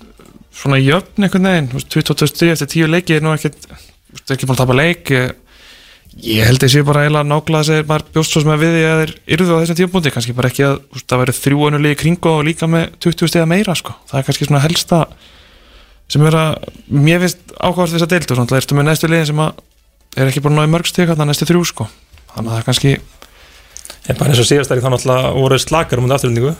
Afturlendingu áttu færin og þeir áttu spilu betur og allt það er sant er íbjöð með, sigur. Og mér finnst líka bara hvernig Helgi er að tækla viðtölu og annað og, og hvernig hann svona tala um sitt lið og mér finnst eins og þeir séu bara á réttu stað með að við þessu ætlu sér og við veitum að vildi ekki að segja hafa fleiri stig en mér finnst samt vera svona hérna Það er stöðuleikja svona yfirlega það er stöðuleiki og ég held að með þessu alveg sama hverju sem er að eigum hvort þeir hérna spila ykkur glimrandi bolta eða ekki við bara komst aftur upp og ná að vera þar. Og svo eru þeir að vinna þessa leiki. Ég sá leikni í BF hérna fyrir einhverjum vikum síðan og Já. þeir voru ekki betri aðeins en það en þeir unnu og eins og segir unnu afturhaldingu þáttur afturhaldingu væru eiga góðan dag. Þannig að eins og ég bá með stjórnum í Pepsi þú veist, ef þú ert að vinna leiki sem þú tækla sér átt kannski ekki þá heldur erfitt að, spóði slæmi og gengi allavega Nákvæmlega. Það er áhugaverður leikur í Grindavík. Það sem að Grindavík er að fara að keppa á móti Þór klukkan 2 Grindavík vann hérna skildu sigur á móti Þrótturum svo maður segja. Og Grindavík mikið búið að vera í, í umræðinu talað um formleysi. Og þeir eru mikið að gefa eftir á, á loka sprettinum náðu þarna sigri og það og er að fara að mæta þósurum sem að heldur betur sannfærandi sigur í, í síðustu umferð og eru svona gæla við það að geta kannski blanda sér í topparóttuna en þá þurfum þeir að vinna leiki eins og þennan í dag. Já, sko, Bjössi er reynda skauta á það í viðtali á í síðasta, eftir síðasta leika um formleysi en hérna en ég held að hérna þetta er alltaf gífulega mikið af leikur fyrir bæðilið og þetta er leikunum það hvort, hvort lið ætla sér að mögulega elda þessi lið sem er rófan og hérna en svo sem leikunum þrótti var ekki engin fljóðaltning en þeir kláru leikin og, og heldu út og, og hérna fá samt þessu tvö mörg það fengi mikið mörgum á þessu sumar og hérna það er eitthvað sem þurfa alltaf að loka fyrir en en ég held að þetta verði bara skemmtilega leikur sem að geta þessum enda þessum með, með að við síðustu leiki á þessu liði með nógu mörgum en, en svona ágjöfni grindvíkar er, er náttúrulega þeir eru með hörkuhóp, þeir eru með flotta kardir sín lið en hérna en varnarleikurinn hefur bara verið slagur og, og þeir eru með sömu, svona sama markmann sömu, sömu vörn og fyrir nánast og sömu varnarmiðum en þannig að, samt er að fá hellingamörkum á sig mm -hmm.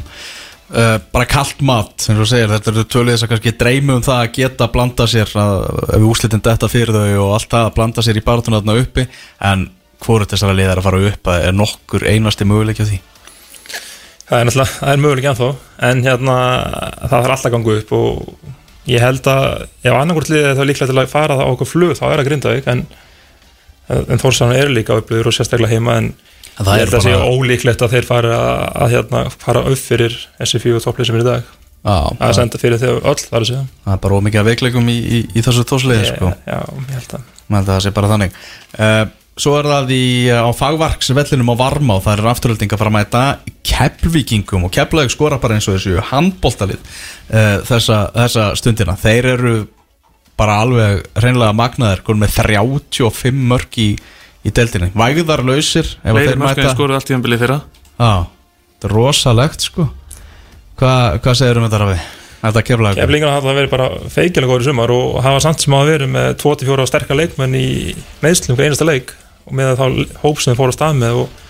og náttúrulega ætla sér að og, og skilst að þeir sé að bæta við sér eða ætla sér að bæta við hópin til þess að fyrst þeir bara styrkja hópin sinn. En hérna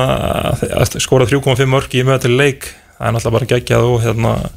og mista alltaf Adam Eir sem náttúrulega náði þarna smáflugi og, en, en ég held líka samt með brottkværi af hans þá kannski veikist kannski ekki liðandilega það er hérna eins og þess að það áður með vikingar á hann hann hérna er svona straight kantmaður og er samt spilir lítið í kringum hann. Þannig ég held að eins og bara síðast tveim leikjum við kemla ekki bara spila hann betur og meiri, meiri svona lis taktur í það, þetta er aðstænd að segja það þeir eru að vinna alla leikinasti og, en ég held að hérna ef þeir halda svona áfram þá eru þeir bara í góðu málum en þeir þurfa samt sem á líka að hérna, það er að hörkuleiki framöndan fljótt, Mhm. fljótt að breytast og, en bara að fá eins og gips og þess að stráka inn þessi svona erlendur leikmið sem tengist hópnu vel og er frábæri hópólta þannig að er að halda bólta vel upp á velli og annað þá náttúrulega er þetta liðið líklega til, alls Joey Gibbs með 13 mörg Gary Martin hlýtur að vera með mynda á honum á bara píluspjaldi heima á sér í, í bílskúrnum sko. Það hlýtur að vera Gary Martin var ekkert að uh, ég, hann ætlaði sér að vera markastur lengjudeldinni, það hlýtur að vera og, og það sé eitthvað, er ekki Joe Gibbs líka britt? Nei, jú, er hann britt? Nei, Ástrali Ástrali, afsaki Það væri kannski ennþá uh, svona súsætara fyrir Gary ef þetta væri sko samlandi sem væri að toppa hann sko en, en jú, jú, ég held að það sé nokkuð ljóst að Það eru á milli er núna 13-9 Ég staðan fyrir Joey Gibbs á móti Gary Martin. Og kefla eitthvað að toppa deildarna þannig að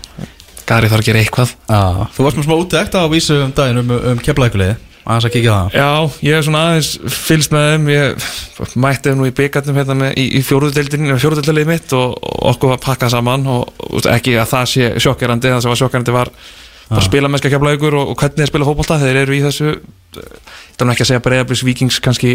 gæðum en, en þeir eru að gera eitthvað svipað og, og leggja mikið búin í halda boltanum og fleira. Og það verðist að skýra sér í deildinni þeir skora mörg bara svo engi sem morgundagurinn þrátt fyrir að það vanti reglulega sterkar pústa og mér var nú bent á það í, í svari við þessari grein að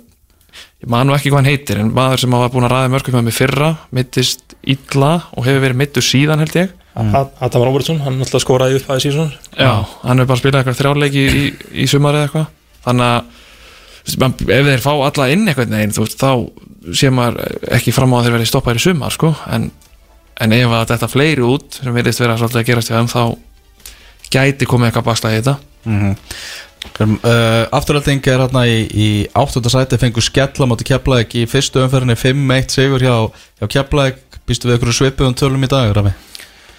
Þetta var ekki svipaði fyrra, þeir eru alltaf keflaði slátur af heimavalli en töpuðs úti Ah. þannig að það getur allt gerst í dag en, en alltaf en mér veist það sem, sem Maggi er að gera í afturlendingu en er svona að halda þeirri vinnu sem hann og Arnar voru með í fyrra og voru hann að bæta óna en samt eru svona, svona svipur stað í töflunum svipur voru stigu í fyrra svipaði fótbolti þannig að þetta er svona kannski það er mjög mikið þegar afturlendingu að halda, sínu, halda svona fengnir hlut en hérna ég held að þetta getur svona flóki leikur svona fyrir bæði lið. Svona þetta er svona einnægst tvei leikur. Mm Akkurat. Ég hérna kíkti aðeins á heimsótti Hjörvas í, í doktorinn í, í vikunni og var að tala um svona að mínum að þetta er leikjuteldir skemmtilegasta deild landsins og ég fer ekki dofan að því. Það sem er eitt þess að gera þeim skemmtilega uh, þessa deild svona skemmtilega er hversu svona ólík liðin eru. Uh, ólíka leikstíla þú ert þarna með bara gamla skólan og nýja skólan þú ert með Bjarnar Jó, þú ert með Gauja Þórðar svo ertu með makka.net á hlaupahjólinu sem að fer, fer bara á hlaupahjóli í, í leiki og, og, og, og allt það, það, veist, það er fullt í þessu en við erum að tala um slagur á morgun sunnudag, þar sem að Vestri og Víkingur Ólasvík er að fara að mætast. Bjarni Jó er að fara að mæta Gauja Þórðar, byrjum á Vestramönnum sem að eru hrikalega erfiðir viðregnar, rosalega baráttuglaðir og, og Bjarni kannu öll trikkin í bókinni bara upp á tíu. Markatalan hjá þeim það er ekki, það er ekki mikið á mörgum í, í vestralekum 10-12 eftir tíu umferðir er, er markatalan. 15 stygg, þetta er impressive árangur hjá nýluðum vestrarabi Ég finnst bara mjög gaman að fylgjast með. Þeir eru núna að fylgja eftir svona sömu gengju frá bara miður sömur í fyrra. Það sem nú alltaf náðu svona flug eftir það og fóru upp og hérna heldur vel í hópin bættu við sem bara réttu leikma og réttu stöðum og einhvern veginn á að styrkja svona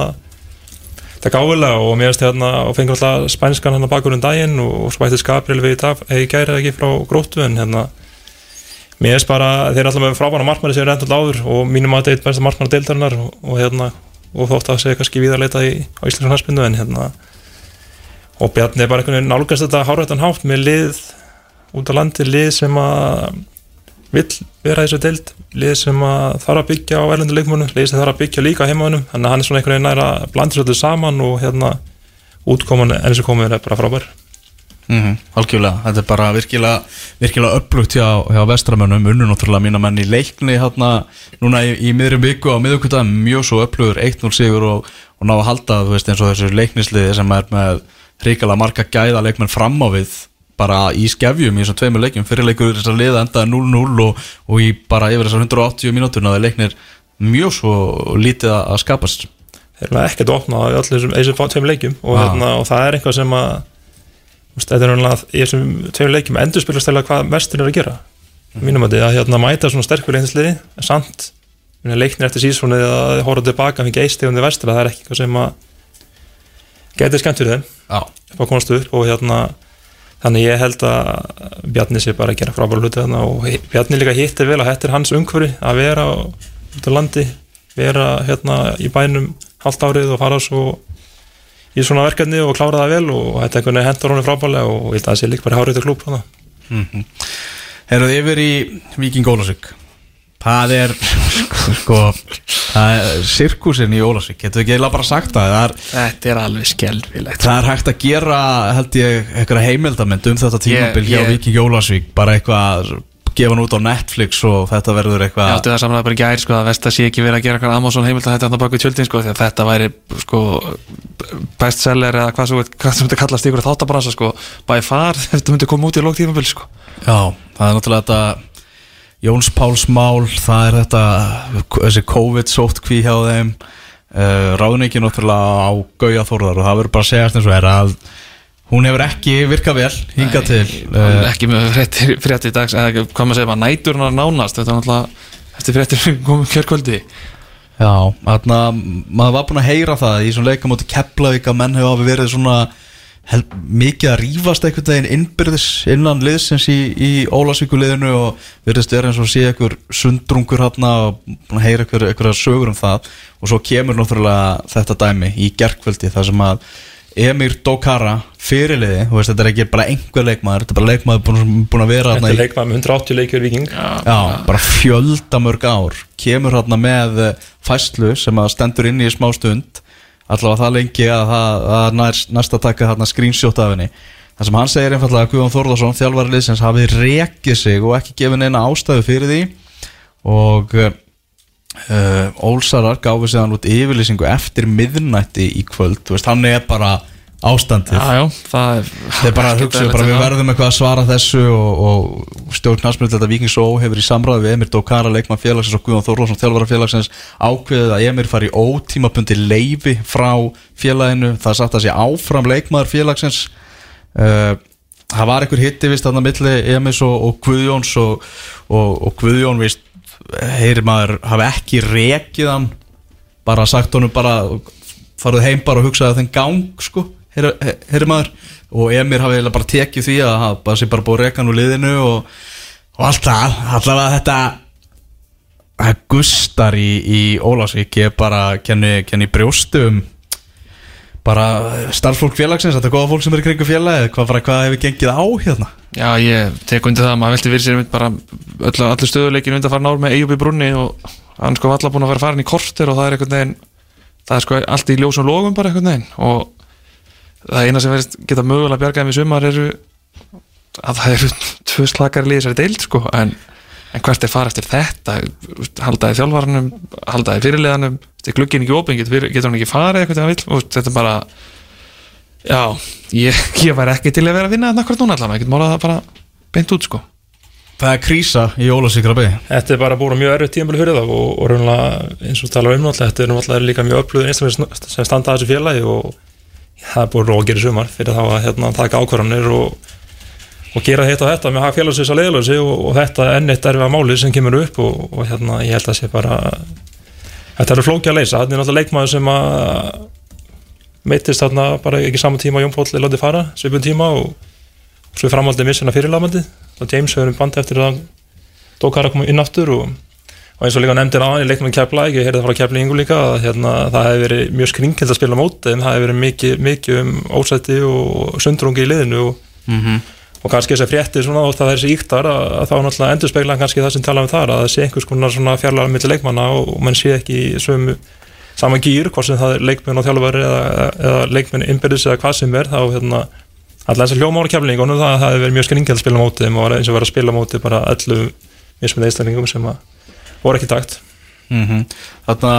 að endur koma Gauða Þórðar í íslenska boltan hafa við blæs, blásið rosalega í kringum Gauða Þórðar í síðustu störfum hans á Íslandi eins og, eins og allir vita. Þar með þínir grannar hérna á Suðurnesunum uh, og Þetta er kannski svona, hann fer ítla á stað með þetta ólásvíkulið, strax komið mikil dramatík og, og, og mikil vesen og Gunnar á völlum, Gunnar Sigurðarsson, Gunnar Samloka, hann, það er svona heyrist á honum og hefur verið heist frá byrjun að, að hann er á samt fleiri stundum sem er ólásvíkur ekkert, hann hoppaði ekki hæð sína kæti við að fá Gauja Þórla sem þjálfara hjá sínuliði þráttur að margir hafi glaðsti við því að fá hann aftur í íslenska boltan því að, því að það er alltaf nóg að, að tala um þegar Gauði Þórðar er að þjálfa fótballtarið á Íslandi. Hann þjálfaði síðast, það var náttúrulega færi um það var á síðast, nei, eru tvö ár síðan var það bara í fyrra, var bara í fyrra. Það var bara í fyrra en þar var hann ekki þjálfaði í einhver sem bara Grindavík bara, Já, bara eitthvað 7-8 ára eða ekki? Já, já, fór náttúrulega illa af vinningunum og Já, já. með hérna, alls konar brasið þannig að það var ekki hvaða lið sem verið tilbúin að taka hann aftur. Já, hann sagði það líka bara sjálfur Gauði að það vilti bara vera eins og menn bara vilti ekki snerta sig með, með löngu priggi Það mögulega verið sér ástæða fyrir því en, en við hefum hvað på gangu allar núna. Já, þetta er búið að vera alveg rosalegt og En svömanni heilsu líka búið að vera bara erfitt það, menn það er búið að vera bara að gusta um þetta, það er búið erfitt, það var kannski líka fyrir sísonið að þeir voru að fá leikmenn, er þetta sterkar leikmenn eins og bara harlega hann alveg undir lokin og en þeir ætlir þess að það er hluti. Já, já. Og ég held að þeir bara, þeir sem koma að félaginu býðir spenntir eftir jólunum og það sé bara sísonið er búið og geta að fara að hugsa upp á nýtt og, og byrja upp á nýtt rúnulega Já. og, Já, og vonandi verða það áfram þessari deild. Já, Hafsteinn Árnason, fótballtáfómaður segir hérna á Twitter, er Gauji ekki bara að losa sig við skemmtu eplin varðandi þetta Emir Dokara og þá svaraði Gunnar, Gunni Samloka, rólegur kúreki. Fucking King Emir er kafteitnin okkar. Og það er bara þannig. Og hérna ef þú svona tapa stuðnismennunum í Ólasík þá held ég að sé helvíti brött brekka framöndan Hafsteinn Árnason segir síðan hljómar eins og sé eitthvað agavandamál í klefunum fyrir okkur hinn sem horfa utanfrá. Og Gunnar svarar klefavandamál upprópunamerki ef fyrirlegin er reikin heim þá er það aðeins meira en klefavandamál. Þannig að það er bara dramatík, dramatík, dramatík og ef að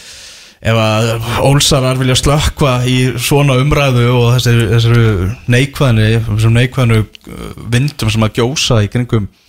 eða blása í kringum, kringum félagi þá bara þurfa þeir að svara því enn á fótboltavellinum og það bara strax á morgun. Já, það er náttúrulega að horfa bara hvað þrjár vikur tilbaka, það er sótkví, eða fjóra vikur tilbaka, það er sótkví og það er hérna, það eru töp og það er annað, þannig að þetta er svona ekki alveg sem að kannski og bara skellir og, skellir og annað, ég meina það er komið mikið mörgum á sig og þetta er lið sem að fekk allar marka á sig fyrra, Mhm. nú en að fá bara vörnir hrifleg og samt eins og Brynja verið að verja vel og annað, en bara einhvern veginn það er, þetta er ekki að ganga upp og eins og það með hljóta og annars þess að tímabili fara bara að klárast og þeir geta að fara að endur skipleggja sig og, og ná einhverju takti aftur því að ég held að ég er búin að gera frábæra hluti en ég held líka að þeir sem koma að félaginu hafi líka gert frábæra hluti og aðstofa ég vel í því en, en það er sér líka flókið að halda útilið í Jólasvík með mikið ærlundi leikmönnum og, og ná að, ná að hérna, hvað að segja, sigla í takt. Mhm. Það er uh, annar leikur á, á morgun þar sem að leiknir og, og þróttur eigast við á Dómus Nóavellinum um sjómasleikur síndur í beitnu útsendingu á stötu sport. Uh, leiknismenn verið að mistiga sig vel og rækilega upp á í síðustu tveimur leikjum. Þrjúnu leifir á móti þósurum og töpuð því niður í 3-3 fóru síðan í, í Dómus Nóa þóttunni á, uh, á Ísafjörð og, og töpuð þar fyrir vestramönnum þeir eiga að leika móti þrótti á morgun. Uh, Er þeir að fara að svara? Sko, þetta er fyrsta leira alltaf leikur fyrir þróttar en að sjá alltaf að ég er bara as í Ólasvík og, og sjá alltaf tækifæri því að fara að rífa sig í gang og, og ná þeim. Og held að það sé möguleikir staðinir í dag og hérna en að saman tíð þarf ekki að leiknir það er alltaf sem verið toppar þetta með er ekki mistegis endalust og, og tapmundi þrótti í dag eða á morgun eða náttúrulega eitthvað sem má ekki gerast og leiknismenn áður hvað ekki fjórum sigurleikjum í rauðan daginn og svo allt innum bara einu stíði af tveim leikjum og, og hérna og þeir ætla sér það að vilja og viljan er mikinn í bregðalti og ég held að leiknismenn hljóta að koma peppar leikin á morgun og, og gera betur og ná kannski aðeins mér svona róin í lið og, og hérna ná aftur úr sínum vopnum Nákvæmlega komið nýr hollendingur Dylan hérna, sem að áttu nú uppálega að leysa Mána Östmann af en Mána Östmann verður áfram þannig að það er bara enn meiri breytt í, í sóknuleiknum hjá, hjá leiknismennum en það er bara, að, bara, bara verða að taka þrjústi úr, úr þessum leik. Er það ekki að segja gera mútið þrótturum alltaf eða? Jó, Ég held að þú sett búin, búin að heyra, heyra því segja oftar en öruglega tíu sinnum í gegnum árin að þetta er einhvern veginn leikur sem leiknum tapar ekki og ég man ekki eftir mörgum þróttar sérum á móti leikni ef ég var alveg hinskilin Nei, áhugaverst náttúrulega þróttararnir búin að vera í tómu basli, það er ekki ennþá komin nýr leikmaður í klukkanum sem að maður kemur manni svolítið óvart. Þeir eiga bara einhver pening held ég, held að sé námið einfalt. Já, uh, það eru ykkur það eru ykkur, ykkur hræringar hjá, hjá þróttur bak við tjöldin. Og við erum að tala um það að það hefur komið nýr formaður knarsbyndudeldar hjá, hjá þrótti, það er búið að og bara held ég ný knarsbyndudeld það er bara Það er alltaf verið að breyta öllu hann baka tjöldin held ég, það gerist reglulega. Já, og, og nýr maður í brunni Kristján Kristjánsson. Sprengisans Kristján. Þetta, þetta var ég að heyra í, í gær. Þannig að það er allavega eitthvað það kom eitthvað nýtt fólk og það spurning hvort að það ætti ná eitthvað að hjálpa þrótturum að, að, að réttu kútnu um að fara að horfa til betri vegar töpuðu mjög svo samfærandi á móti grindvikingum en Þeir eiga Díon inni samt eða ekki, hann er ekkert búinn að hann kom inn á móti er hann kom inn á. Grindavík Það í sístu tveimur leikum ef að hann kemst á eitthvað flug og Víkingur Ólusík heldur hann áfram að sínu hyggsti þá hljóta er eins og segir að, að horfi það að þeir geti náðum Já, allavega. Það er líka svo mikið að leiki framöndan þeir er náttúrulega fyrsta leik klukkin opinn þannig að möguleiki að bæta við leikmönnum og það er hérna sem mikið að viku framöndan það er hérna leiknir, svo það þór svo kemur leiknir og að sko við gætum hort upp á að ef allt myndi nú blómstra í lögadalum að þá getur allt unnið stað eftir sex leiki en hvort það verður en þá er náttúrulega vonandi eru þeirra hönd en þeir hafa nokkra bara mjög frambæra leikmenn og, og ef við ná meiri takt í sitt lið og gerir það að spjötu þá einhvern veginn hafa mögulega ná Ólasvíkar staðin í dag en það þarf margt að breytast. Uh, Ef ég myndi segja það að bara leiknum fáskursfyrirna er alltaf í eitthvað stig hérna fyrir austan og allt það Magni er fallin Þetta er bara spurningin Ef að þróttur alltaf að bjarga sér þá er það bara vikingur Ólasvík, hvitar undir þetta? Rafi? Við hljótum að líka að horfa á leiknismenn að það sé líka mögulega að þeir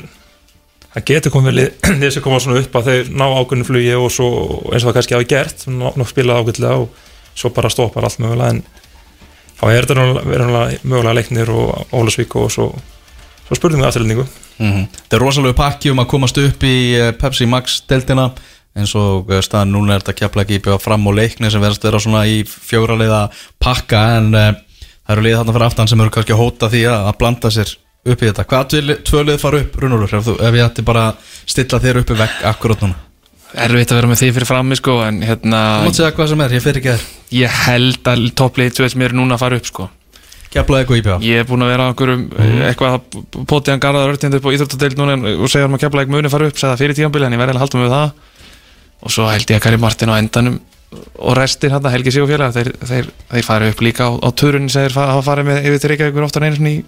eða hvað sem var á meilandið oftar en einu sinni í, í sumar. Ertu sammálað þessu? Þetta er rosalega erfið spurning. Þetta er mjög erfið spurning nefnilega sko. Fyrsta lagi vona að kemla ykkur upp. Þeir hafa spilað bara frá- frábærlega og einhvern veginn ná að byggja sitt félag upp bara vel síðustu, síðustu ár og ég vona hérna eftir náttúrulega mjög erfitt fall og sem var erfitt fyrir,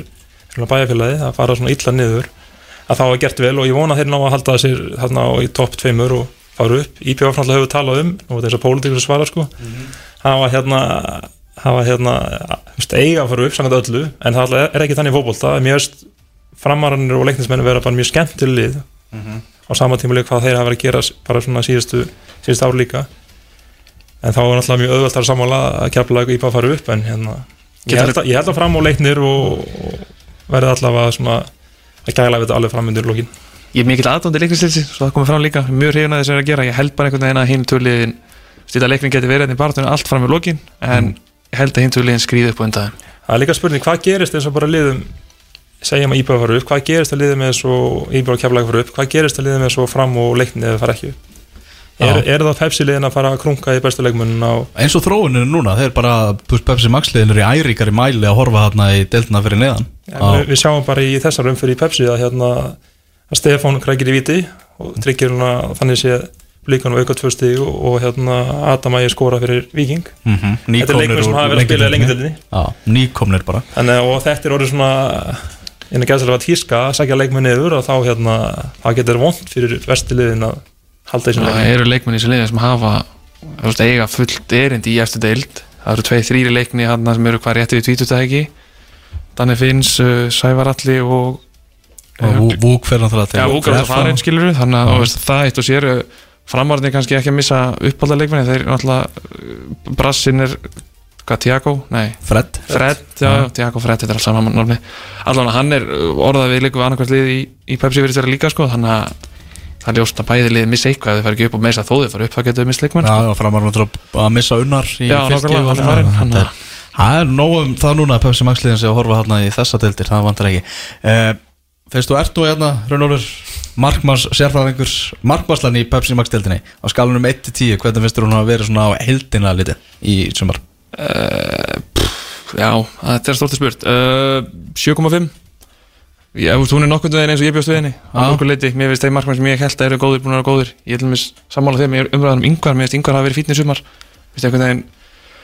eðlilega kannski aðeins og erfitt að koma heim og allt það. Það um, mikla kröfur á hann. Þetta er landslismarkmaður, þetta er leikmaður um hvað 31 og segja hvað hann er gamall og á topp aldri að hérna og er að spila bara alltaf þessi bolt þetta er gert áður en við höfum gerðum kröfu til hans. Hann hefur gert ein, tvei mistök sem að kosta mörg en en svona meðast oft Hann er allir mjög vonbrömm Já, en gaggrín er orð og mikil. Það er einhvern veginn svona mér- finnst það Meðan við varnarleikin, breytinga varnarleiknum Að missa Hall át, missa Kára út Sölva í bann og annað. Að vera með svona alls konar Að hinna þess að varnarmenn með sér Að þá hann fengið svona gaggrín sem hann er líka bara búin að spila einn af þessum tapleikjum sko. Dotti spilaði leikina að setja bara 2-0 og 5-1 sko. Já. það er eftir með 7 af þessum átum nei, hérna, jú, 7 af þessum átum mörgum sem búin að fá sig Mhm. uh, Hannes Þóri búin að vera frábær fyrir utan skagaleikin mögulega og marka múti vikingum Mm. þeir eru búin að fá sig 8 mörg í 10 leikjum og þetta eru 5 af þessum 8 mörgum hann